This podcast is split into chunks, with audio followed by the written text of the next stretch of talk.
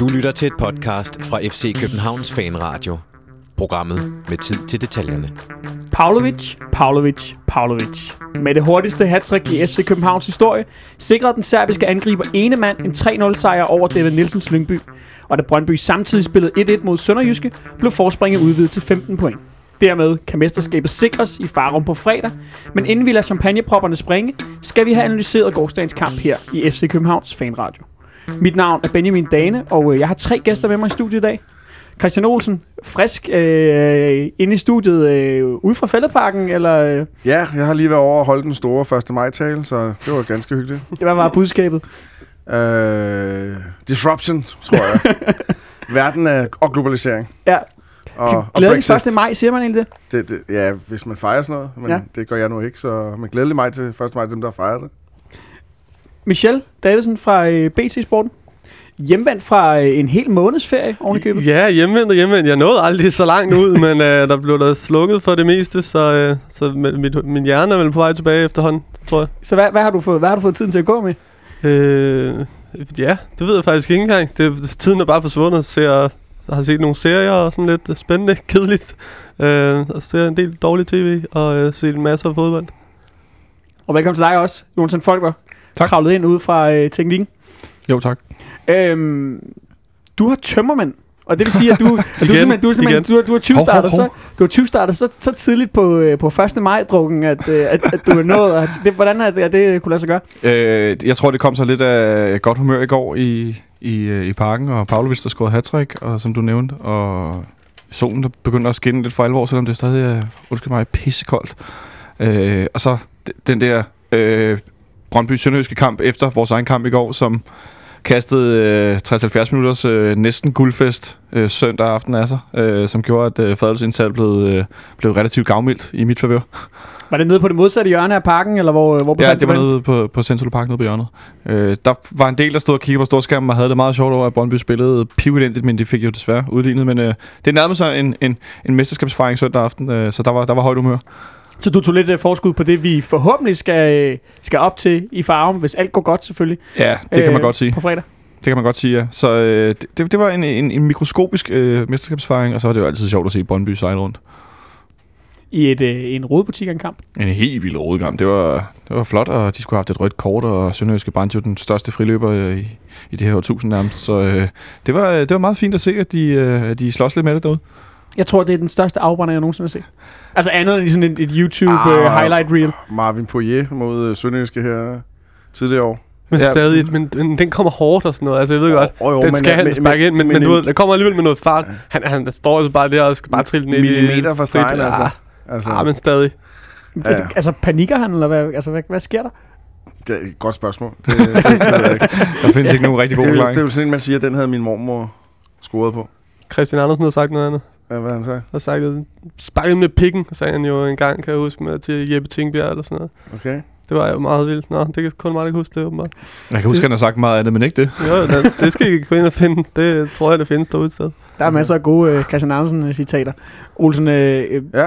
vi skal tage fat i den her, øh, den her 3-0-sejr i går. Yes. Øhm, og øh, er- er jeg helt galt på den, hvis jeg siger, at det måske var den, sådan den, den første Superliga-kamp her i foråret, hvor vi rigtig så et, et FCK-hold med, sådan, med rigtig overskud?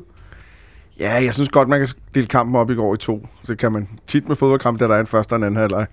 Men jeg synes faktisk, at... Ja, Det bliver godt lidt af, ja, det bliver godt. Ja, jeg synes altså, første halvleg, det var... Altså, de skulle lige knække øh, Lønbys 3-5-2, og så skulle Lønbys anfører lige blive skadet. Så var der også lagt op til, at øh, vi, vi i anden halvleg spiller. Så er jeg meget enig med dig, så spiller vi en ganske god gang fodbold, men jeg synes ikke... Jeg synes første halvleg, vi kommer til nogle chancer, men jeg synes, vi har forholdsvis svært med at finde ud af, hvad vi skal gøre. Og øh, ja, altså... Det, det, hvis, der, hvor vi stod, der forstår snart, der det samme sted, men der, der lagde vi mærke til, at hele tiden de gik op og lukkede af for Sanka, så der var hele tiden Erik Johansson, der skulle føre bolden frem, og øh, ja, det, underligt nok, så synes jeg, det var, det var lidt, øh, lidt hit and miss fra hans side der, så, øh, og spillet blev meget låst fast over i venstre siden, og det er normalt ikke noget problem. Jeg synes, øh, Tutu spillede en god kamp og sådan nogle ting. Jeg synes også, øh, bakkerne kom godt, eller Ludvig kom godt med, men der var ikke rigtig kvalitet på, på, på, på hverken opspillet og afslutningerne. I anden halvleg, så hjælper det, at vi får et hurtigt mål, og så er den kamp sådan set lukket. Øh, hvis vi lige holder fast i det her med, med Johansson og, og opspillet, du er inde på, for det, er jo- det er jo meget interessant, men tror du ikke også, at det har noget med at gøre, at han simpelthen, altså han, han, han ligger jo med, med sin Han ligger højre fejlvendt, jo, selvfølgelig har det det. indad, kan det er derfor, sige. altså, for, fordi det er jo absurd, at man lukker Johansson, for han er principielt lige så god som Sanka. Men det er selvfølgelig, fordi han ligger på, på hvad skal vi sige, på forkert side, ikke? Så han, hans spilmuligheder er ligesom lukket af. Så derfor er det meget...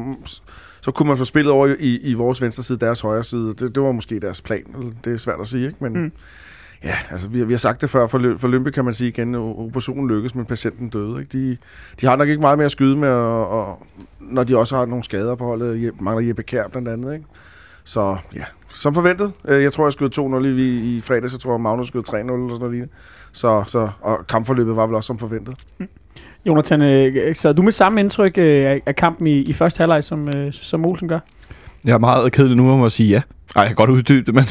øh, altså, jeg, jeg undrer mig lidt over, at de lagde, eller øh, pressede vores spil så meget over, i vores, vores venstre side, hvor vi jo faktisk angriber mest, og hvor vi helst vil spille.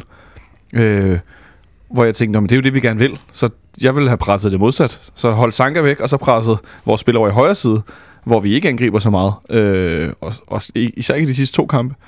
Øh, men det var, det var, jeg synes, det var sjovt at se, hvordan vi i første halvleg, lidt som mod Midtjylland, der scorer vi godt nok tidligt, men øh, efterfølgende har, øh, efter nogle hjørnespark, de her situationer, hvor der er en, to, måske tre afslutninger inden for meget kort tid inde i feltet.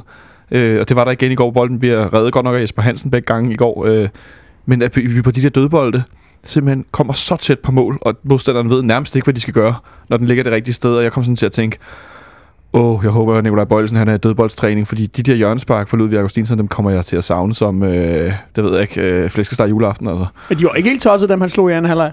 Nej, de var ikke helt tosset, det er rigtigt. Øh, og det var også rigtig godt at se, men, men jeg kom bare sådan til at tænke, de der altså indlæg og dødbolde, jeg tror, vi... Jeg tror måske, vi ved godt, hvor, vi snakker tit om, hvor god Ludvig er, men jeg tror nogle gange, vi glemmer, altså hvor, i forhold til den måde, vi spiller på, hvor, hvor vigtigt det er, at han er så god. Øhm, nu sagde du det her med, at, at, at, at du var enig i Olsens syn på, på den her første halvleg, og, og, øhm, og, så, og så undrer du dig over, at de, at vi, de presser os over i venstre side, men et eller andet sted, bortset fra et par, et par rigtig gode redninger af, af, af Jesper Hansen ind i Lyngby-målet, så, så holder de os vel væk fra sådan de helt åbne chancer i, i første halvleg, selvom vi har en del afslutninger. Ja, men som Olsen meget rigtigt siger, så er det simpelthen en af de der kampe, vi skal arbejde os ind i. Hvor at vi tidligere ville have set, at vi måske var kommet bagud på en lidt tilfældig, tjusket ting, øh, og så skulle virkelig trumfe igennem derfra, så er vi så stabile nede bag, så vi ligesom holder modstanderen nærmest totalt væk fra alting. Og så langsomt kværter dem. Nogle gange kommer målet i slutningen af første halvleg. Nogle gange kommer det i starten af anden halvleg, det gjorde det så i går. Så det er sådan en, de ved godt, vi ender med at vinde. Cyklus nærmest, kan man sige, det er et højrød, men det ved de godt, og det ender vi så med alligevel. Michelle, øh, øh, Lyngby kom i den her, som, øh, som Jonathan er ind på, den her 3-5-2, og, og med, et, med et ret defensivt udgangspunkt. Jeg tror, at der var øh, på, øh, jeg så den hjemme øh, fra tv, og på skærmen, der var der midtvejs i, øh, i første halvleg øh, en, en øh, statistik over boldbesiddelsen, hvor øh, FCK havde haft bolden øh, næsten 70% af tiden. Altså, kom, kom Lyngby simpelthen for defensivt til den her kamp, synes du? Ja, det synes jeg. og Jeg synes også, at de gjorde en ting anderledes, end de gjorde senest i mødte FCK. Det der med at, at gøre kampen sindssygt fysisk. Altså, det, det brød FCK så ikke om i den seneste kamp, jeg kan huske mellem de to hold. Uh, hvordan, altså, det, der, blev næsten gået over stregen for, for Lyngbys side i, i den kamp, hvor man, altså, der blev lavet så mange frispark og så mange hårde frispark, men, men det var ikke noget, FCK-spillerne brød sig om. Altså, det synes jeg da, at han skulle have taget med, David Nielsen. Uh, altså, fordi det kunne man tydeligt se, det var ikke noget, der, der behagede øh, FCK-spillere. Og, og ja, så, så tror jeg også, de, ja, så synes jeg også, de gik lidt for defensivt til værks. Man kan sige, at første halvleg, som der er blevet sagt, at det, det lykkedes jo meget godt for dem. Altså, det blev jo faktisk en, en kedelig første halvleg. Altså, det var sgu kedeligt at, at sidde og se på. Øh, og det er jo godt for Lyngby på en eller anden måde. Mm. Fordi altså, altså, en, en åben kamp vil altid være til FCK's fordel, selvfølgelig. Så, øh, så jo, de gjorde, de gjorde jo ting rigtigt, men så synes jeg også, jeg, jeg vil jo ikke forstå, at man ikke spiller med, øh, med, med Mikkel Rygaard, altså. Øh, det, men det synes jeg jo, de gør, bør gøre hver gang. Øhm, Som i øvrigt var ham, der, øh, der øh, efter to minutter øh, savede Delaney midt over ja, i, i den her præcis- 1-0-kamp ude i Lyngby, som præcis, du, han, som du Men hentede. det var, fordi han skyldte Delaney en jo. Det er rigtigt, ja. Øh, jeg kommer bare sådan til at tænke på den første kamp, vi spiller mod Lønby herinde i sæsonen, øh, som vil være Superligans første kamp overhovedet, hvor vi vinder 3-0. Der kom de relativt offensivt herind. og vil, Ah, der, der, havde, der havde de også taget Mikkel Rygaard ud og sat Rygaard ud tre defensive ja, men, men, de spillede stadig mere frem af banen, end de, end de gjorde i går. Hvor jeg tænkte sådan lidt, at nu prøvede de så den anden taktik, kan man sige, på en eller anden måde. Og det lykkedes så heller ikke. Hvor jeg, hvor jeg ikke kunne lade med at tænke, at det var sådan et forsøg på at så prøve den anden vej. At nu har vi prøvet at gå lidt frem, gå- måske med defensive spillere, men med fysisk stærke spillere. Det lykkes ikke. Nå, men nu prøver vi at gå lidt tilbage og se, om det lykkes. Det lykkes så heller ikke. Så ja, så kunne man sige, at spille med Mikkel Ryg eller ej, men øh, måske en erkendelse, af, at man var overmatchet. Ja, men, men jeg er enig med Michel, for jeg sad og sagde det samme i fredags i optakten, at øh, Mikkel Rygaard er klart deres bedste spiller, synes jeg, i hvert fald når Jeppe Kjær ikke er med fremadrettet, fordi det er ham, der, det er ham, der sætter spillet, det er ham, der, der, der, der laver, laver pasningerne ud på til fløjen, det er ham, der stikker den dybden og sådan noget. Han er en rigtig dygtig spiller, synes jeg faktisk, øh, på Lønbys hold. Og så spillede de i stedet for med tre lidt mere defensivt derinde, kan man sige. Øh, Jesper Christiansen, Bror Blume og Martin Ørnskov, og, og det, er jo, det er jo mere sådan nogle boldflytter, øh, bolderober og sådan noget. Bror Blume har lidt, men ikke nok. Hvad tror du var, øh, altså, hvad tanken bag den disposition fra, fra David Nielsen? Jeg tror, det var at, at lukke centralt, og så satse på at have to angriber, man kunne sende i dybden, og så kunne de eventuelt løbe, lave lidt. Altså, det er også... Altså, Jens Odgaard og David Bøjsen er jo ikke Jeppe Kjær. Jeppe, Kjær har været dygtig til det der med at udnytte bagrummet, og han er jo også en hurtig spiller, så, men det fik de slet ikke i går. Men man kan vel et eller andet sted, altså resonemanget fra David Nielsens side, Lyngby har i, har i, i mange kampe i denne sæson jo haft et, et godt defensivt fundament, og i virkeligheden har det jo været det, de har levet på en stor del af sæsonen. Så resonemanget fra David Nielsens side giver vel god mening at forsøge at, at dræbe kampen i, i en eller anden forstand. Helt sikkert, helt sikkert. Øh, men jeg er også enig med Michel der med, at, øh, at den- kamp, de har spillet bedst af de to første, det var trods alt den i Lønby. Så jeg vil da måske have grebet den mere an i den stil, for der taber de i 1-0, hvis jeg ikke så meget fejl. Øh, Tutu et, et lidt heldigt mål, hvis jeg heller ikke så meget fejl. Øh, Det gør du ikke. Det var meget heldigt, var det ikke? Det var den der, der på magisk vis Ja. kravlede ind over Ja, stregen præcis. på... Øh, Dobbelttunnelen. Så jeg, Ja. så jeg havde da, så, så det havde da, været- jeg havde da tænkt, jeg kan ikke huske, hvordan de stillede op i den kamp, men jeg havde da stillet op i noget, der lignede det. Måske har der også noget med at spille ude og hjemme og sådan nogle ting, der, det betyder jo, det betyder også noget, ikke? Men, men altså, de gav jo alt initiativet væk, og så havde de to angriber op foran, som ikke rigtig fik noget ud af det. Nu var du ikke, øh, som du sagde før, ikke helt tilfreds med den her, øh, den her første halvleg, vi spiller, men, men da vi så går til pause med, med 0-0 og et, et kæmpe spilovertag, men måske ikke helt så mange chancer, som man kunne ønske sig, sad du alligevel med, med en fornemmelse af, at, at, at det her bare er et spørgsmål om tid, før at, at, at de knækker? Det gør man jo efterhånden altid. Det, altså, det er jo sjældent, man sidder med sådan en tanke og, og er direkte bange øh, på holdets vegne eller sådan noget lignende. Jeg er forholdsvis sikker på, at, øh, at, at, at... Jeg kunne faktisk godt forestille mig, at den var blevet 0-0 eller sådan noget lignende, men jeg var rimelig sikker på, at de ikke ville vinde. Fordi det, det, havde de slet ikke nok at komme med. Der er vi trods alt stadigvæk for alt for stabile i vores midterakse, så... Jeg var, ikke, jeg var ikke bange i hvert fald. Michel, du kedede dig i første halvleg. Ja.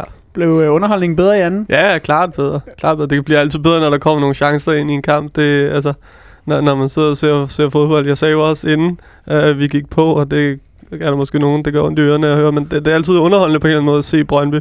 Øh, fordi at der er bare chancer hele tiden, og det er totalt, altså det er jo med hovedet under armen, og det er jo, man tænker jo sit nogle gange, at det er fuldstændig hjernedødt egentlig.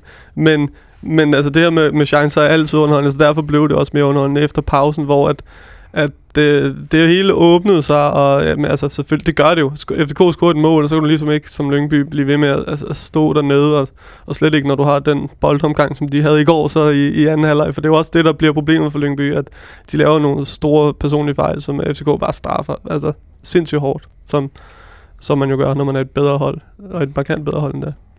Jonathan, nu kan vi så heller ikke øh, trække den længere, fordi nu fik øh, Michel lige nævnt øh, det, det første mål her. Pavlovic, han, øh, han laver simpelthen et hattrick, og ikke bare et hattrick, men øh, det hurtigste hattrick i, øh, i klubbens historie på, øh, på sølle 12 minutter i anden halvleg i går. Øh, jeg gad godt at vide, hvad, hvad, hvad oddset var på det sådan fra, øh, fra, fra starten. Jamen, der var en, øh, der havde spillet, vores øh, normale tekniker, min navnebror Jonas, hans øh, kammerat, tror jeg det var, der havde spillet på det. Eller jeg hørte i hvert fald om, der var nogen, der havde spillet på det. Det sjove er, at min øh, sidepartner, øh, Birgitte, øh, på nede at se, hun øh, havde sagt inden kampen, at der, de, de rakte noget lidt sted, at øh, hun gættede på, at Pavlovic scorede hattrick.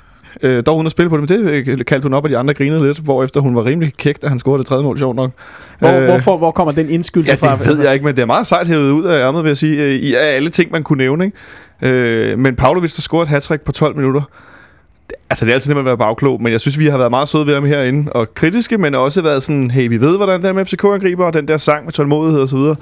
Og nej, det er ikke fordi, det er, det er de gyldne sten, der scorer et hat mod Lønby, men i forhold til, hvor få hat vi scorer øh, i FC København, og i forhold til, hvor få hat der bliver scoret i Superligaen i det hele taget, så synes jeg, at det er imponerende dygtigt af ham. Og Øh, i forhold til, hvor store chancer han har brændt. i forhold til hvor gigantiske chancer, han har brændt, ja. ikke? Men at få scoret de der mål, og jeg tror specielt det mål over i Haderslev, den der helt flugter op i nettaget, hvor han virkelig får ramt bolden. Det var som om, at derfra, der, der ra- rankede han ryggen og løftede hovedet.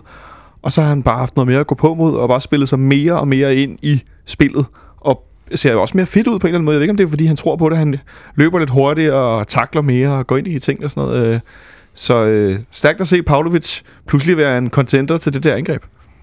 Og øh, øh, vi, vi har jo siddet og snakket om det før, men, men han har vel netop gået i en, i en længere periode. Man har, man har tænkt, det kan også være nogle gange bare noget med at bilde sig ind, fordi han, han sparker dem ved siden af, i stedet for at sparke mænd, men han netop ligner en spiller, som, som har hængt lidt med hovedet, som har manglet noget selvtillid. Øh, det, det er vel... Det, er vel, det, det var det vel, vel den øh, stik modsatte version, vi, øh, vi så i går. Helt vildt. Altså, når Pavlovic han får muligheden for at lave de der vendinger, en berøring, lige dreje rundt med bolden, det laver han jo ved alle målene i går nærmest, øh, på nær det sidste, som er sådan lidt tilfældig tæmning efter Tutu i Roberten. Øh, altså, når han får lavet, lavet den der vending, ikke, så har han altså et knallert spark. Øh, og så kan man snakke om at placere den og ikke placere den. Han har renere spark end Santander for eksempel som har, nogle gange har den her kartoffelskål, der bare får sendt bolden afsted, ikke? men så sparker han simpelthen så hårdt, øh, så der er rigtig meget svirp, og så behøver den måske ikke være placeret så yderligt, for så kan målmanden ikke nå at reagere. Øh, så hvis han, hvis han kan blive spillet til at lave de her vendinger på modstanderen, og han får lavet dem, jamen så kan han score mod alle i Superligaen. Det var vel svært ikke at blive begejstret, Olsen, af især øh, mål nummer to i, øh, i går. Og jeg kan knap nok huske dem, men de var ens alle sammen. ja, jeg, jeg vil lige indskyde der, at øh, vil godt lige give en røffel til de 6%, som ikke stemte på Pavlovic som kampen spiller. Det kan jeg ikke forstå, hvordan det kunne lade sig godt. Hvem, hvem fik de resterende 6 procent? Det, det, det ved jeg ikke. Det ved jeg ikke. De sagde bare med 94% af stemmerne, kampen spiller. Det, det, ja, sådan er det. Nå, hvad, der var et spørgsmål? Josef Tutus far måske? Ja. Måske. Det var jeg står over ved sur, at man ikke kunne stemme på Robin. Bare fordi. Ja, Nej, men uh, Pavlovic's øh, 2-0-mål, det her, hvor han, øh, hvor han modtager bolden fra Peter Ankersen. ja, og så går han på tværs, og så klapper han den ind der. Ja, godt.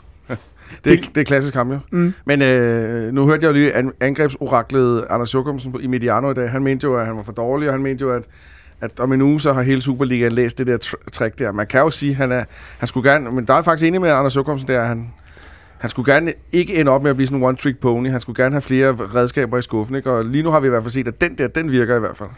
Men, Men, men den vil de andre øh, forsvarsspillere i Superligaen, den, vil de, den har de styr på, ikke? men nu har vi set ham score med hovedet. Vi har set ham score på en helflugt der inde i lille felt. Og nu har vi set ham score nogle gange på det her det Ja, ja. gode signatur, ligesom Ja. Cornelius har bagerste stang på bakken. Ikke? Og det er ligesom hans signaturafslutninger. Så nu har vi efterhånden set lidt forskelligt. Ikke så mange gange, det ved jeg godt, men jeg har i hvert fald set ham score en del forskellige mål.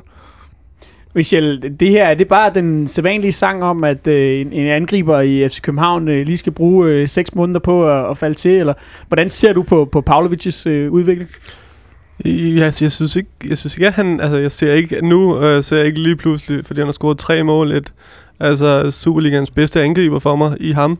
Øh, desværre, ja, øh, Olsen. Men, øh, men hvad kan man sige, jeg, jeg, jeg ved det ikke helt, om, om det faktisk er helt den samme, øh, den, den samme sang. Altså der er, altså sådan en som Santander, øh, synes jeg jo, vi også snakker om, at vi kunne godt se, at han indgik i spillet og var en, en vigtig spiller i det, i det opbyggende i det første halve år, hvor han måske ikke scorede så mange mål, og, og der manglede lige øh, at målene. Så, men her er jeg mere sådan, det er jo ikke, det er jo ikke en stensikker øh, opspilsstation. Så, øh, hvad hedder det, øh, Pavlovic, det så du også, da, de spillede, da, da han spillede i Brøndby. Altså, wow, han, han tabte mange bolde derude. Det var spåndplader. Ja, det var helt, det var helt vildt. Altså, det, og det, det nytter jo ikke noget. Det, det, det, skal han også kunne. Altså, det er bare vigtigt for en FCK-angriber nu, at du kan spille med ryggen til mål, og du kan modtage bolden, og så på din anden berøring lægge af. Ikke? Altså, hvorfor er Cornelius lige nu den bedste FCK-angriber? Det er han, fordi han kan det. Øh, og, og dermed, øh, det giver noget til holdet, giver noget til spillet. Øh, så det skal han lige, altså der skal han i hvert fald ind. Han skal blive stærkere i kroppen, synes jeg. Øh, Ståle kan jo godt lide at købe de der lidt store angriber, men, men her har han også bare fået en lidt stor ranglet angriber. Det kan jeg godt sige, fordi jeg selv er bare sådan en lang pind, så det må man gerne sige, tror jeg. øh, men han skal, han skal have nogle flere muskler, tror jeg, hvis Ståle vil, skal have det ud af ham, som man gerne vil have. Han vil, han vil gerne have europæiske spillere, spillere, der gør noget i Europa. Så der, der skal bygges noget på der. Altså, han ikke er så nem at fjerne, og så nem at tage bolden fra. Øh, men, men jo, det, det, der, det der, det kommer til at være en kæmpe, kæmpe, kæmpe løft for Pavlovic at score tre mål. Det der, den der selvtillid, det giver, det, det er vigtigt, og du kan også se det på ham. Altså, den kamp i går, altså det, for, for de fleste andre spillere på det hold, på det FCK-hold, der, der var det, det var, det er jo ikke det var jo ikke den vigtigste kamp. Altså, du kan godt se, at mange FCK-spillere lige er 5% under det koncentrationsniveau, som de har været resten af sæsonen. For ham scorer han hver, alle målene. Kæmpe jubel, ikke? Og at det betyder noget for ham. Det er fedt. Men jeg kunne næsten høre på dig, at, at det, altså, du ser det som, at det handler om mere end, end bare en, en angriber med selvtillid kontra en angriber uden selvtillid. Ja, ja, jeg synes, jeg synes stadig, mangler nogle ting. Altså, det er det, jeg prøver at sige. Jeg synes stadig, han mangler nogle ting for at, at gå ind på, i, i FCK-spillet, som den spiller, jeg er sikker på, at Ståle gerne vil have ud af ham. Øh, så, så, så jo, i forhold til at få selvtillid, er det jo vigtigt at, at score de mål, og, og hvis han kan blive ved med at score mål, så, så det- så er det jo også godt. Men, altså, men, men Nordstrand scorede også mål i, i Superligaen. Han blev aldrig altså, Ståles kop te. Altså, det er en dårlig sammenligning måske, men, men stadig, det, det er bare Ståles, Stå- Ståles yndlingsspiller, dem der kan spille i Europa. Altså, det er også derfor, Kusk ikke er Ståles yndlingsspiller. Han kan ikke spille i Europa. Altså, så han skal lige, han, skal, han mangler stadig noget, synes jeg. Jeg synes ikke, jeg ser en spiller, der nu bare, nu er han der bare i, ind, ind i systemet og det hele. Der mangler stadig lidt. Jonathan, hvordan ser du på Pavlovic muligheder for ligesom at udvikle sig på de her parametre, som, øh, som, som Michel er inde på, er, hvor, altså, hvor, hvor han måske stadig mangler nogle ting i forhold til ligesom at være den, den komplette øh, FCK-angriber? Jeg tror, musklerne, som Michel nævner, eller fysikken, er et meget godt sted at starte. At hvis han skal kunne modtage bolden mere med ryggen til mål og så videre, så skal han have nogle flere kilo på, så han kan modstå lidt, netop fordi han er en, jeg ved ikke, man siger, han er lang pind, som Michelovic her øh, til højre for mig, men, men det er klart, at jeg, jeg tænker bare lidt, hvor at netop som du nævner, Santander, der så ikke scoret mål i starten, men øh, var god i spillet. Så har Pavlovic været dårlig i spillet og ikke scoret så mange mål. Nu har han så begyndt at score målene, så kan det være, at han bliver bedre i spillet. Mm. Så det kan være, at han gør det den anden vej rundt. For jeg er da helt enig i, at der er der klart nogle, nogle ting, der ikke fungerer. Men omvendt, så kan jeg mig at tænke, at når du som angriber scorer for eksempel tre mål i går, eller et mål forleden, øh, så indgår du alligevel i spillet på en eller anden måde, fordi så bliver du afgørende for spillet virker, fordi du skal have bolden derhen for at score. Altså sat på spidsen. Så det kan godt være, at han ikke indgår så meget i spillet, sådan i opspillet på den måde, men så får han alligevel øh, gjort, at spillet bliver til hans fordel, det er det ham, der scorer målene, hvis det giver mening, det jeg siger overhovedet. Øh, at Det er jeg ikke sikker på, det gør, men bare fortsæt. Bla bla bla. Men øh, han, han, jeg mener bare, at, at hvis du ender med at score målene, medmindre det er sådan nogle tilfældige tap eller den rammer dig på låret i, i en død, efter en dødbold eller et eller andet, så bliver du alligevel øh, til, til slutproduktet af spillet Mm. på en eller anden måde. Og så kan det godt være, at du ikke indgår så meget i, i opspil og spil lægger den af og så videre, men så bliver du alligevel en del af det her spil, fordi det er så dig, der den, sætter den sidste fod på. Øh, og så står man ikke helt ud for, som han har gjort i stor del af sæsonen, Mm. hvor han hverken får afslutningerne på, eller får scoret målene, eller hvor han altså var bare udenfor. Og sådan en dødvægt, øh, en blind passager, ikke? Altså, så kan det godt være, at han ikke indgår så meget nu, som Cornelius gør, der virkelig får øh, søgt ud i frimærker, me- frimærkerne og får lagt bolden af og alle de her ting. Så får han så i stedet for s- være, være det, som angriberen jo egentlig, kan man sige, er med for netop at score målene. Så får han så gjort det, og så kan alt det andet måske komme bagefter. Øh, men jeg hørte næsten sige, at, altså, at, at vi stadig ude i, at han, vi, vi gerne vil se, at han skal have nogle flere aktioner end, i løbet af en kamp, end han har. For det er jo noget af det, vi har siddet og snakket om herinde tidligere, at han, han som du selv siger, simpelthen ikke var nok med i, i kampene. Ja, 100 procent. For ellers så bliver det som i går for meget Santander, der skal være den, der går ind i spillet. Og Pavlovic, som i nogle perioder er ja, ude af kampen. Også i første halvleg i går, der er der perioder, hvor han, altså, hvor han slet ikke er en del af hverken øh, kombinationerne eller noget som helst. Og så er han næsten ved at komme til nogle afslutninger. Han kommer lidt i første halvleg. Det var ham, der har mange af de blokerede afslutninger i går også. Men han er ikke en del af spillet. Det kunne da være fedt at se, fordi hvis de begge angriberne er det, så er det også svært at forsvare imod, fordi så ved de ikke, hvem der går på den, og hvem der løber i dybden, og hvem der ligger den af, og så videre. Det vil selvfølgelig gøre spillet mere komplet. Olsen, øh, øh, Pavlovic situation sådan lidt, øh, lidt, lidt fremadrettet. Øh, altså, nu kender vi jo ikke, øh, vi, vi ved ikke rigtig, hvad, øh, hvad Soteju, øh, den, øh, den nyindkøbte angriber, han kan endnu. Han lavede Men- to mål i går. Han lavede to mål, ja. Øh, to gode mål i øvrigt. Det må man Øh, sige. Jeg Og fandt et eller andet tvivlsomt Og ved stream. at voldtage ham der assisten med han der, hvis du så det. Ja, på det første, hvor han, ja. hvor han scorer på hovedet. Mand. Det kan jeg kun anbefale, at man går ind og ser det. Og det er ret vildt, at han, han den her øh, øh, samme mand, som slår indlægget, han rent faktisk stadig har lyst til at, at øh, lægge op til mål nummer to Præcis. i, øh, i anden omgang. Fordi det var, en, det var en voldsom behandling, han fik. Det må man sige. Men, men Det er næsten lige så fremtidsudsigt, voldsomt som Vatsatsa mod ham, der Mikkel Vestergaard der. det det er tror jeg ikke, jeg huske. Det så du ikke? Nej. Han fik en feber, gjorde han Ja, ikke? Mikkel Vestergaard scorer, så Vatsatsa løber op på ham. Så bliver Vestergaard skadet, og man skiftes ud, fordi... Jo, det, er, det tror jeg faktisk godt, at Ja, han ja. blev ret sur. Ja, præcis. Det var Ja. ja. Nå, Men hvis, var, altså, hvordan ser du på, på altså, tror du stadig, han kan, han kan få det svært fremadrettet, Pavlovic, øh, altså, jeg, med jeg, at, at tilkæmpe sig en, en fast plads? jeg tror, når vi kommer ind i næste sæson, så tror jeg, der er en, der er sittet nummer et angriber, og det er Santander. Og så må de to andre slås om, hvem der skal spille ved siden af Santander. Så kan de, så kan det lidt forskellige ting formentlig, ikke? Så, øh, så det bliver noget fra kamp til kamp, og hvem der griber chancen. Men, og det vil selvfølgelig hjælpe Pavlovic øh, med hensyn til næste sæson, at han fortsætter fremadrettet og lige laver et par kasser her inden sæsonen er slut. Men, men spørgsmålet er nu Cornelius tilbage, om han så ikke ryger direkte på bænken igen. Det er lidt ærgerligt, man har lavet hat og så bliver, fejrer man det med at sidde på bænken i, i farven på lør- fredag. Det, det er sjovt jo, altså fordi, øh, altså hvis, hvis man også kigger tilbage i forhold til, hvad bliver hierarkiet næste år, alle havde forventet inden starten på den her sæson, at det ville blive Pavlovic og Santander. Det var de to, der spillede. Det Så lige, startede med, med, det, sådan startede det. De, de spillede... Øh, vi har da helt sikkert også siddet herinde og snakket om, om øh, vi- det gjorde vi da på et tidspunkt, om Cornelius nogensinde ville blive den Cornelius, vi kendte. Ej, det var Det- primært dig. Det, ej, det var jer, og jeg sagde, at han skal nok komme. vi, går i, vi går i arkivet om lidt. Nå, okay. Ja, sådan husker jeg det. Det er selvfølgelig svært nogle gange.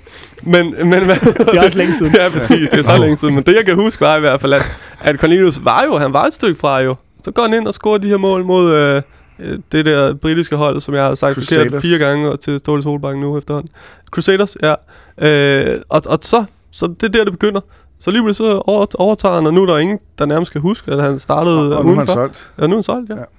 Og øh, al- altså, øh, Men, men du spurgte, og jeg tror, at angrebsækket hedder Santander, så må de to andre slås om, hvem der skal spille sådan Santander. Mm. Jeg tror, det var Ståle, der var ude at sige i dag faktisk, at, øh, at, at der vist sågar var nogen, det, det ved jeg så ikke i, i, i hvor høj grad, det var herinde i hvert fald, men at der snakkede om, at, at Cornelius netop, Var måske der Kadri var bag øh, Baskem Kadri, altså i, øh, Ja. i angriberhierarkiet. Ja. ikke? Men Øhm, må jeg lige den anledning sige, apropos Ståle, det, at jeg har sjældent hørt ham så åbenmundet, som han har været de sidste uge 14 dage, med hensyn til, i går stod han også lige frem på, i Kenan Lees optag, der fortalte hele transferstrategien og sådan nogle ting, at det er meget mærkeligt. Ja, nej, det er ikke så mærkeligt. Altså, fordi jeg, jeg tror, at jeg tror på en eller anden måde, det er hans måde også at, at forberede jer på, hvad det er for et, altså, hvad, det er for et arbejde, der skal til nu. altså, kan godt så, så, fordi han, han ved altså godt, hvad det er for en tryk, der kommer Men på... han har øh, stort set fortalt hele, øh, alle agenter i Europa, at vi har brug for en vensterbak eller sådan noget lignende. Ikke? jo, ved de godt. det, det er Ja, ja, måske... sikkert, men, ja, men ja, altså- præcis. Det, ja. Dem, der skal vide det, ved det allerede jo. Helt sikkert. Så, helt så sikkert. nu, det han, det han gør, er jo ligesom at få, få, ligesom, få fjernet lidt pres. Altså, Ja. ja. fordi... Altså, også for spillerne, du kan se Peter Ankersens agent og Peter Ankersen selv presset på, ikke, for at komme ud, og at der er der flere, der gerne vil afsted nu. De kan da godt se, at pengene ligger der nu. Den, den, den rigtig fede klub ligger der, står måske derude nu, at, øh, oven på sådan en successæson. Så altså, jeg tror, det der er en måde også ligesom at få fortalt fansene, at jeg tror, I skal, altså, I skal være glade, men, hvis men det er i hvert fald en ny holde på- strategi, som har snedet sig ind det sidste års tid, eller sådan noget. Ja, men ja, måske de sidste par år i hvert fald, ikke? Men det er rigtigt. Det er ikke noget, man har set før. Nej, det, præcis. det gjorde CV ikke. Nej. Nej. Men altså, et eller andet sted er der vel også bare, altså i, i noget af det, han siger, er, er jo, vi kan lige så godt bare tage den op nu, Mm. det er vel også, at, at, øh, at, altså det er vel det, som alle i virkeligheden kan se, altså for eksempel det der med, at der er et potentielt hul på venstre bak. Ja, det er helt enig. Ja, men det er rigtigt. Øh, og det er jo det, er det der med Ståle nogle gange. Altså, han- han er jo faktisk ikke så kompliceret, som, øh, som måske andre trænere enten er eller gerne vil være. Øh, det, det, det er meget lige til, og, og ja, man kan se, der er et, øh, et, et hul på, på venstre bak. Øh, og det, det skal de da have lukket. De skal da helt sikkert have en venstre bak, og så får han jo også sagt, at så kan det godt være, at det bliver en venstre bak i stedet for en midterforsvar. Det, det siger han jo halvt også, fordi han siger, at Bøjlesen kan han bruge begge steder, har han fundet ud af. Så, altså, som... Jeg har hørt Markus Holgersen fra OB. Okay. Han er også god. wow. Altså, det, så, er det, så er det ikke på, øh, det er på hans spil her de seneste fem kampe, tror jeg. Nej, nej, bevares. Men ikke engang en vensterbak, men vel også en højrebak. Nu Tom Høgli, han også forsvinder til sommer, som kunne Jo, men der synes jeg, han siger noget spændende, som også... Øh, Mads Rorslev. Ja, Ja. Mads Rorslev, som jo er øh, vildt spændende, det jeg har set. Ja, altså, og, og, de har kæmpe forventninger til ham herinde, og han skal jo op i truppen, så lød det sådan på ham. Altså, det, det var nærmest stensikkert, så får han lige et halvt år, eller... Ej, det går han jo ikke engang, men nogle måneder i Sverige, og så får han lidt, lidt hår på Men, brystet. men netop måske. det der med, at der er mange positioner i spil, og det er vel også derfor, ja. Ankersen ikke får lov. Ja. at skifte nu, fordi så har vi skiftet øh, tre ud af fire i forsvaret, og det har jeg svært ved at se, at de går med til. Den fejl har vi ligesom begået før. Det tror Der, jeg ikke, der de er en gør lille igen. problemstilling med Ankersen, det er, det er at Rammer Robin har samme agent nu. Ja, jeg skal til at sige, det, Ja. det er ikke, det er ikke, det er ikke sådan helt... problemfrit. Nej, det er, fordi jeg, første gang, jeg, jeg, jeg læste øh, overskriften, øh, Ankersen agent, kolon, et eller andet, så tænkte jeg, nå, men altså, øh, ingen, ingen offense til, hvad hedder han, øh, Gulli Thomasson, men, men det er et mindre navn på, på sådan agentmarkedet og begre- på agenthimlen. Øh, Hassan Setinkaj, det er altså, det er, det er altså en rimelig stor, Og, øh, og stor fremragende kanon. interview i Aftenbladet. Nej, det, ja, det har jeg ikke set. Har du ikke læst det- det? det skal kan du du gå læse. hjem og se læse det? Okay, nå, men det vil jeg gøre. Men, men det, altså, det er også, det er også interessant i, i alt det her øh, transfer hul om har jeg også, og du kan også se, at Sanka skifter agent, ikke? Det, det er ikke uvæsentligt, hvem din agent er.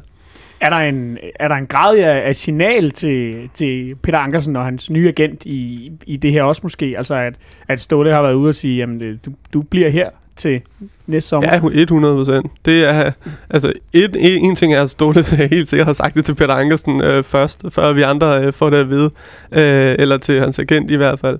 Øh, men, men selvfølgelig er der et signal i det. Altså, så går man bare ud og siger, at du skal ingen steder. Det har han jo gjort før. Nu kan jeg ikke, øh, nævne navne. Var det Sanka senest?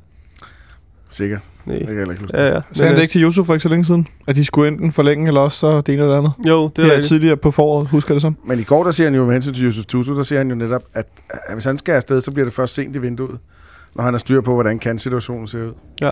Meget informativt øh, program i går. Ja, det jeg er virkelig, det kan man faktisk godt anbefale. Hvis folk ikke har set uh, Kanal 9's Ja. ja. uh, Kasper Markers. Kasper Marker, det er godt. Men vel også, øh, helt kendt situation, vil også en, en årsag til, at en spiller som Kasper Kusk måske bliver i hvert fald et halvt år længere, end man måske kunne forvente i forhold til, hvor lidt han spiller, at vi har to med skinne på, hvor den ene stadig på krykker, ikke? Øh, som Åh, er sådan lidt Lige i forhold til netop, sæsonstart og så videre.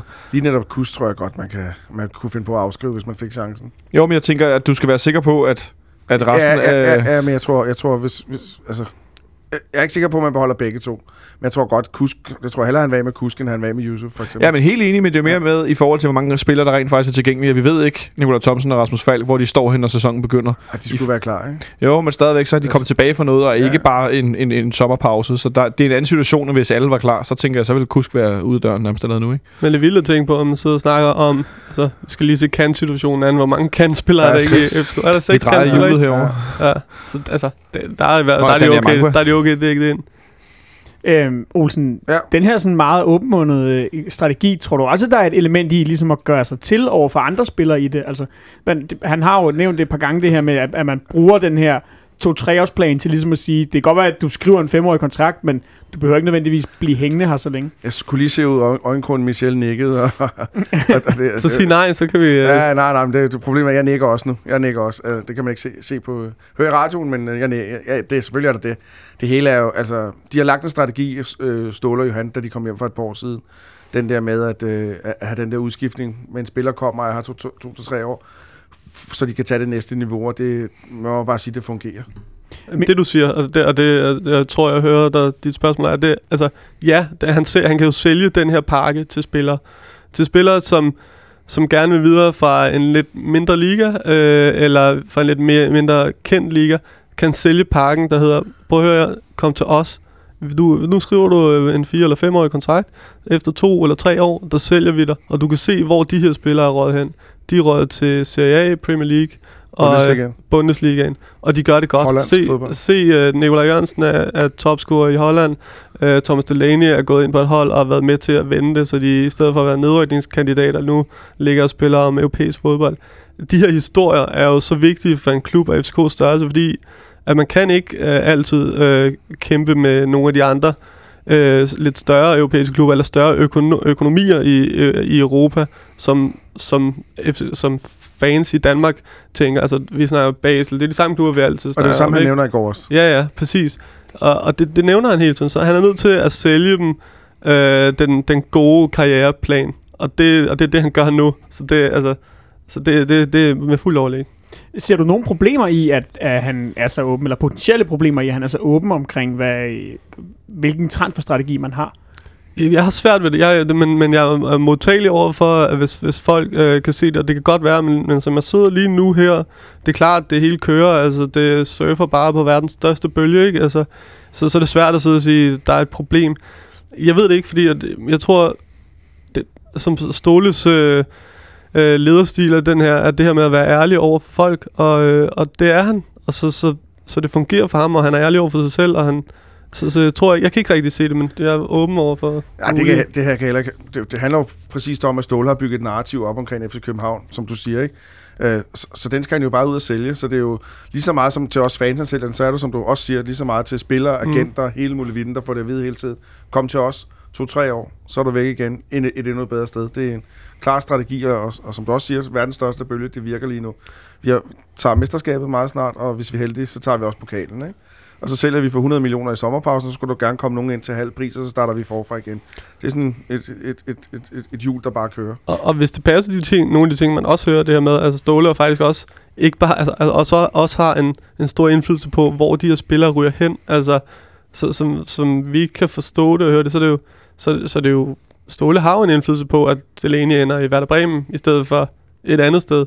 Han har en indflydelse på, at Nikolaj Jørgensen ender i øh, Feyenoord, altså, han, jeg, jeg, det, så det betyder noget for ham, at kunne vise spillerne, som han også siger i indslaget, vise dem, I, I kommer I er også bedre spillere, I får succes. Altså, at han, vil, han gider ikke bare sælge på bænken. Ja, lige. I stedet for at sidde på bænken, så kan han ikke sælge dem den samme historie om, at... Øh, altså, fordi det handler, det handler om for ham også at øh, få spillere hen til klubber, hvor de spiller, og hvor de har succes. Så man kan tage næste skridt i historien. Præcis. Men jeg havde ham faktisk mi- mistænkt for, øh, og Ståle, hvis du lytter, så må du undskylde, men jeg havde ham faktisk mistænkt for også, både med Ludvig og Delaney i Werder Bremen, altså det var fordi han også selv skulle derned. Ja. Men øh, med, med den succes, Werder Bremen har nu, så tror jeg ikke, at den, den bliver svær at knække den ned.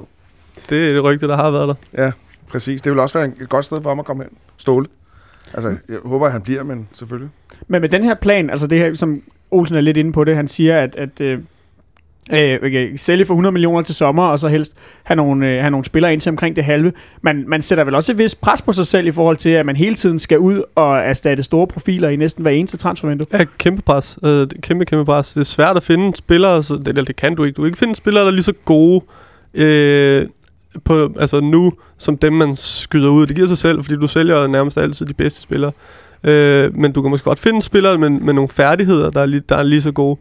De skal så bare bruge tid til at passe ind i et system, som, som Ståle også har, som er, er helt snorlige, altså som han ved præcis, hvordan skal være, men, men som man også er åben over for, som man siger, øh, at, at ændre på, hvis han får andre spillertyper. Fordi de skal kigge på et vist han kigger efter spillere på et vist niveau, men han kigger ikke nødvendigvis efter at få en-til-en erstatninger. Så altså, det tror jeg, han sagde i forbindelse med købet af Sotilio Pio... Nej, det kan jeg ikke sige. Græske Per.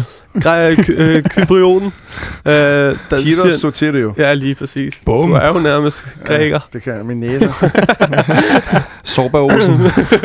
som, man, som man siger der, så er det jo, altså, så er det jo en spiller, som ikke er ligesom Cornelius, men han, han tager ham ind, fordi han er en god spiller, og så må man ligesom også ændre lidt i systemet, ændre lidt i spilstilen for, hvad var spørgsmålet? Om det ville være et, om det ville være en øh, problem, ikke? Eller om det kunne være en Hvor man udfordring? sætter sig selv i, ja, under selvfølgelig. pres. Jo, de, de sætter sig selv under pres. De skal købe nogle rigtig gode spillere, men det er jo også, han har jo også bygget en rigtig, rigtig god... Han, han har bygget en større scouting-sektor op, og, øh, og, og med, altså, der er jo flere scouts nu, end der var, da han, da han startede, ikke? Markant endda. Det er der nogen, der ved mere om, end jeg gør. Og så- navn. Og så er op, opgaven for os som fans, øh, netop i forhold til det der med øh, udskiftning af spillere, netop som med Pavlovic og som med Santanderas og andre, det er i hvert fald øh, min bøn, tålmodighed.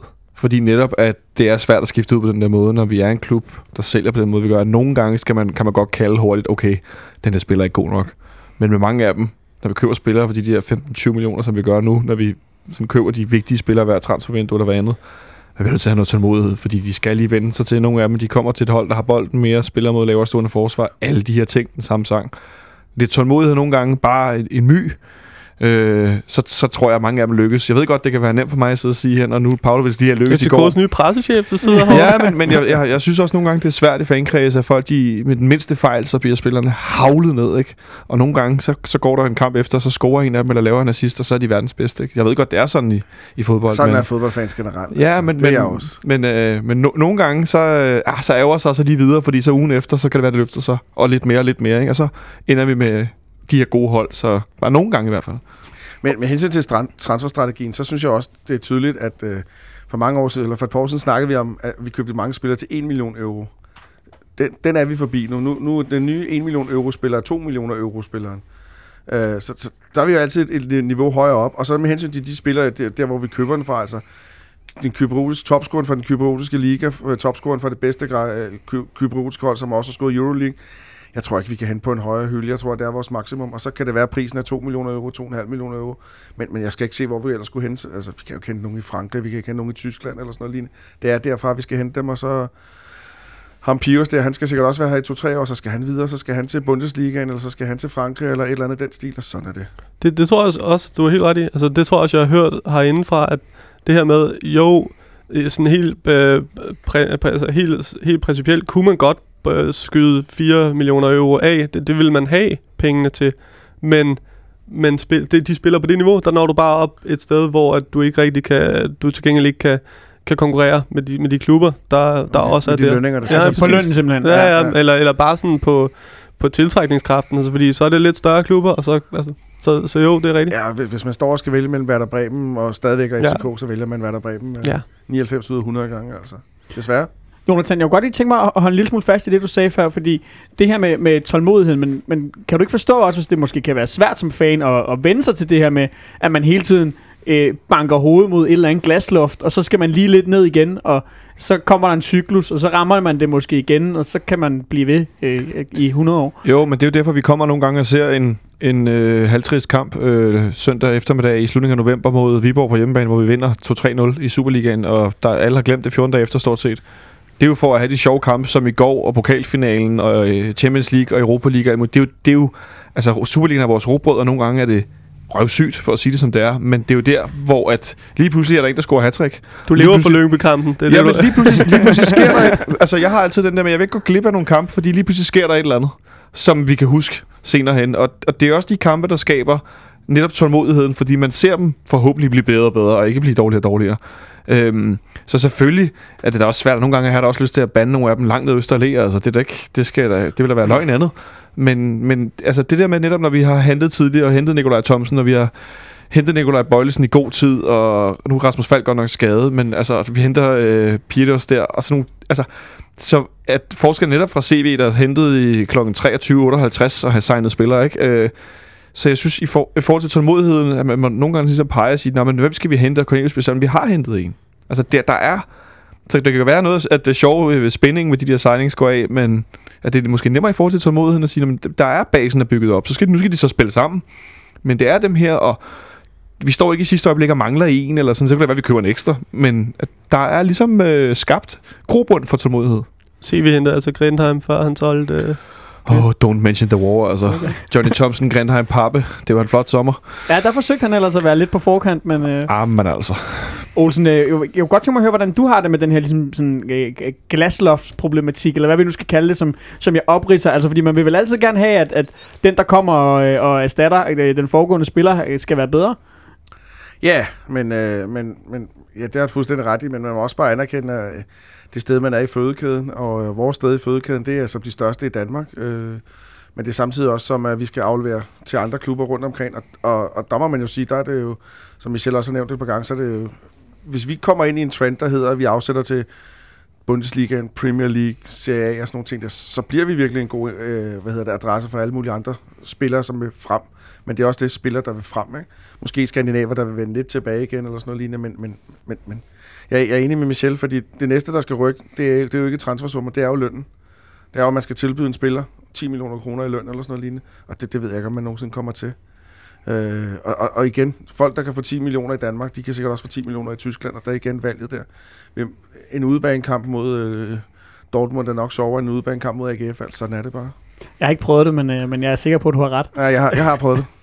og det er det. Altså ikke spille, men være tilskuer. Og... Og ja, jeg tænkte, jeg tænkte mere på banen. Nå, det har Øh, jeg heller ikke prøvet. Jonathan, nu blev det en, øh, en, en solid afstikker fra, øh, fra Lyngby-kampen. Det her. Hvis vi prøver at vende en lille smule tilbage til den, Nå ja, vi spillede i går. Ja, vi spillede i går, øh, og, øh, og der- der kom jo tre, sådan, eller to, hedder det, øh, relativt tidlige øh, indskiftninger. Ja. Øh, men jeg kunne godt tænke mig lige, at vi prøver at tage, øh, tage kusk først. Ja. Fordi jeg ved ikke, om det bare var, øh, var, øh, var mig, der øh, så det helt skævt på sofaen, eller Lyngby, der var virkelig elendig, men jeg synes, synes trods alt, at han viste en lille smule mere, end, øh, end han har gjort i sin, øh, i sin foregående indhop, hvor man næsten har siddet og, og, og reddet sig lidt i håret. Hvordan så du på hans, øh, det, det indhop, han gjorde mod, øh, mod Lyngby i går? Jamen, øh, jeg synes, han var god. Øh, eller han var i hvert fald bedre end det, han har, han har været i den sidste periode, men det er jo lidt op og ned med ham, som med nogle af de andre spillere, der er lidt i periferien, eller sådan, der ryger lidt ind og ud. At øh, den ene kamp kommer han ind som i går og, og gør det godt, og så fordi Lyngby er flade. Og har blandt andet det her 60-70 meter løb med bolden, hvor at, øh, Jeppe Brandt kan indhente ham, selvom han løber med bolden, hvilket er ret imponerende, hvor han lægger den på tværs, og Hmm. Peter Ankersen skal lade med at røre den, så Sanka kan skubbe den ind på bagerste stolpe. Eller Gregus kan få sparket den ind, eller nogen andre, nej, Ankersen i hvert fald. øhm, men han fik også plads. Lidt som Pavlovic i går, han fik også plads. Altså, jeg tror ikke, Pavlovic har skåret hat mod et hold, der havde, som, altså, havde stærkere midterforsvar. Jeg tror ikke, Kusk han kommer ind og er så god mod nogen, der ikke er så flade, og hvor baksene de hænger lidt i, i koderne og så videre. Øh, så det var lidt en kombination af, at han var lidt bedre, end han har været i sidste periode, men Nyby var også sløj, da han kom ind. Det er ikke nogen hemmelighed. Michel, øh, Kasper Kusk her nu, altså vi har i flere omgange siddet herinde, øh, tror jeg, og øh, i hvert fald ikke definitivt så, øh, så tæt på, som man kan komme og, og, og afskrive ham uden at gøre det. Hvor, hvordan ser du på, på, på hans situation? Altså er, er, er du også overbevist om, at han, at han øh, formentlig er, er færdig for eksempel til, til sommer og skal hjem til Aalborg, eller hvad han nu kan finde på? Ja, hvis, hvis jeg må sådan bare tage mave fornemmelsen så ja, så, så det er min, det, det er hvad jeg forventer. Øh, om det er til sommer eller til vinter, det er ikke, øh, det, det, det, er ikke, det ved jeg ikke. Men, øh, men jeg, jeg er ret sikker på, at han ikke, han ikke bliver, øh, han kommer ikke til at blive en FCK-spiller i mange år øh, fremad. Ved du, jeg, nu skal jeg lige igen øh, efter jer herinde. Jeg kan huske, jeg var, eller var det jer? Jeg så det på Twitter, men efter øh, FCK vandt mesterskabet sidste år, nævnte jeg, hvem der ville blive husket for det mesterskab, og nem- hvem der ikke ville blive og sådan noget. Og så sagde jeg nemlig, at jeg kunne huske, at han ville ikke blive husket. Det, det vil han bare ikke. Så, nå, det var godt. Nu fik jeg lige øh, klaret mig Ja, selv. Så kan du huske på, det er der for få, der gør herinde. Så kan du da huske noget. Altså, er det jeg, kan, jeg kan noget- huske alt det der til min egen fordel. Jeg tænker, er det sådan noget hukommelse of justice? Ja, det er det. Det er min helt egen hukommelse. hukommelse. Præcis. Men jo, for, for at gå tilbage til Kus, som jeg også sagde før, han, han, så længe han ikke er en, øh, kan, blive, øh, kan gøre forskelle i Europa, så er det ikke, altså... Eller bare de store kampe i Ja, eller Superligaen. bare de store kampe i Superligaen, men, men mest af alt i Europa. Altså, øh, Ståle bygger det at holde op for at spille i Europa. Og, og, og der, der, kan han ikke, altså, der, gør, der kan han ikke bruge øh, Kusk. Se, altså, han vil hellere bruge, øh, han vil hellere bruge øh. Abubakar øh, Eller Keita. Keita, ja. I, i den kamp øh, mod Ludogorets. Ludogorets. Ludo Goretz, på hjemmebane. End, end, at smide, øh, end at smide Kasper Kusk ind. Det fortæller hele historien. Ha, altså, du skal, du skal kunne gøre noget i Europa for at blive en vigtig del af Ståle Solbakkens FCK-hold. Sådan, sådan er det bare. Så det, jeg tror ikke, at han bliver... Så, så det du siger, det er, at Jan Gregos også i problemer? Hvis Jan Gregus skal i hvert fald bare sørge for at lade være at få røde kort, måske, ja. som det første. Jeg, men nej, for at, at komme tilbage til Jan Gregus. Jeg synes, jeg synes faktisk, at jeg synes, der er nogle ting. Hvis vi, øh, men det kan godt være, at vi ikke skal på Jan ja, Gregus. det, ja, fordi jeg synes faktisk, jeg synes faktisk, at Jens Gregos har lidt det samme, som Pa- Pavlovic har. At, at man kan tydeligt se, at der render en god spiller Ja. rundt dernede, men han mangler det der fysiske udtryk for at spille i det Ja, det FCK, måske. på det FCK-hold. Men øh, altså, en fremragende pasningsspiller og sådan nogle ting. Ikke? Ja, jeg, jeg troede jo inden øh, det her det, den her, det her forår, at, at han måske ville overhale, og, og, altså, eller ja, overhale, hvad hedder det, Martic. Øhm, og det, hvis ikke det var, fordi man havde brugt de penge, man havde brugt på Martic nu her, så, så, så det lige før, jeg tror, at han havde gjort det. Fordi jeg tror, på en Jeg eller anden måde, ret- mere jeg tror, du har ret i, hvis man ikke havde købt Martin, så havde Gregos spillet. Ja, det er godt. Det er godt. det er klart. Nej, men, øh, men jeg, t- bare i forhold til, øh, altså, nu s- sporer jeg den helt væk fra Kasper Kusk, det er jeg ked af. Nå. Ja, det er okay. Men, men jeg synes bare, at Martic måske... Jeg tror, den er lidt for levende på den centrale midtbane til, til Ståle Solbakken. Det der, den, der, centra- den der den der stamme i midten, hvis Ståle gerne have mere ro i. Altså, det er også derfor måske, at, at Shorter Sakura også er et stykke fra, fra holdet lige nu. Et stykke, siger du. Øh, Olsen, øh, lad os lade, lad Kasper Kusk ligge for nu, men Ja. øh, jeg, jeg, jeg nævnte jo, at der var to udskiftninger, og øh, Bøjlesen, ja. den anden, det er naturligvis Nikolaj Bøjlesen. Det er jo Ja. ikke meget, vi har fået lov til at se ham på, på vensterbak. Vi har set ham spille noget i, i midterforsvar. Øh, igen øh, øh, er det selvfølgelig med, med det øh, øh, temmelig store forbehold, at det var en, øh, en semi-billig baggrund, men, Ja, men hvordan synes du, han gjorde det, da han kom ind på den her øh, øh, vensterbak? ja, kampen var jo afgjort, men jeg synes, han gjorde det fint. Øh, Jeg synes, han har, har nogle, nogle gode momenter, nogle gode rykker op, op på kanten der og sådan noget. Han, han går godt med i spillet. Han er jo, altså, vi sidder og snakker om en tidligere Ajax-spiller, så hvis han rammer nogensinde rammer det der Ajax nu for FCK, så, så er der no worries der. Det skal, godt blive, det skal nok blive godt, hvis han gør det. Men der er jo bare mange arbejder bajs med ham, kan man sige. Ikke? Men jeg kunne godt tænke mig, at, øh, og det er ikke et ondt ord om Ludvig eller sådan noget lignende der, men sæsonen er afgjort. Det kan vi godt blive enige om. Lad os bare lave skiftet nu. Lad os bare sige, øh, det, det var fedt nok. Det, det ved jeg godt, men det gør man ikke mod Ludvig, tror jeg. Men bare sige til Bøjles, nu får du resten af kampen. Vi kan lige så godt starte forberedelsen til næste sæson. Nu kan vi lige så godt starte, når vi har vundet mesterskaber. Det gør vi formentlig på fredag, og så er det bare hele vejen igennem der. Det synes jeg. Øh, principielt kunne vi også lige så godt starte med at, at køre nogle andre spillere ind og sådan nogle ting der. Øh, måske prøve Shoa Sakura at se, om han virkelig er ude, eller hvad der er, der er med ham. Men, men, men der er ingen grund til ikke at starte nu. Nej, altså for øh, lad Ludvig spille pokalfinalen, men så er det Spejler Bøjlesen spil. Præcis. Øh, og så jeg får nogen ind. Jeg, jeg, jamen, jeg er så enig, fordi at, at også fordi vi har lejet nogle af de helt PFR spillere ud, som øh, Horslev og Keita, der måske kunne have været nogle af dem, der var på bænken og komme ind. Øh, jeg tror ikke på Julian Kristoffersen, han får spilletid i Superligaen, uanset hvad, medmindre alle bliver skadet. Øh, som vi så mod Hobro øh, sidste år, eller hvornår det var. Jeg tror Øh, faktisk, Michelle er tættere på spilletid. Øh, apropos lang og ranklet. Øh, ej, Julian er jo nærmest bredere, han også tog sig sammen. Øh, han er, han, Ah, så har du ikke i bare mave, tror jeg. Altså bredere, jeg tænker ikke på sådan, jeg tænker Ah, okay, skuldermæssigt. nok, okay. Øh, men men at, øh, at så mange er der heller ikke at skifte ud af. Øh, så, så der kunne godt være nogen, der får det der spilletid, øh, og måske alligevel ikke, fordi Ståle har jo også mere, som vi så i pokalen for med at køre igennem. Mm. Altså fordi det skal vindes. Der er også bare en, altså, der er også bare en, øh, hvad hedder det, de uovervindelige øh, rekord ude i, i, pe- i periferien, ikke? Altså, at de kan gå ubesejret igennem Superligaen.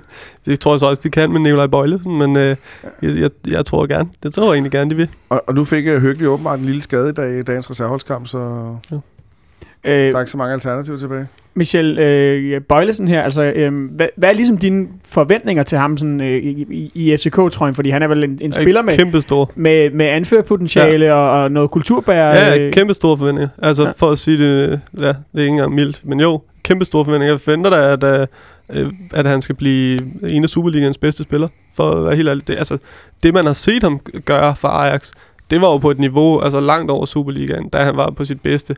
Og, på landsholdet også, for den sags skyld. Altså, det drev med bolden frem. Øh, det er bare, altså, det, det er noget over Superliga-niveau. Så jo, min forventning er, at han, at han kan øh, nå dertil. Eller, det er også svært at sige, hvad er mine forventninger, men, men hvis jeg bare skal sige, se på spilleren, og så, og så prøve at fjerne alt det, der hedder en, været ude i to år, og, og har stadig problemer, måske, eller der er stadig noget fysik, der lige skal passes på. Øhm, men jo, ham der skal, han, han, det er en god spiller, som jeg tror, at de får, får rigtig, rigtig meget ud af, og som jeg håber, FCK får meget ud af, også for landsholdets skyld, fordi det er rigtig, rigtig, rigtig dygtig spiller. Tror du også, Ståle øh, altså, ser ham som en af de helt centrale figurer på holdet allerede fra, fra efter sommer? Øh, jeg, tror, det tror jeg måske er nu, at han gør. Øhm, jeg tror, at, at den kamp, han spillede i, i midterforsvaret mod...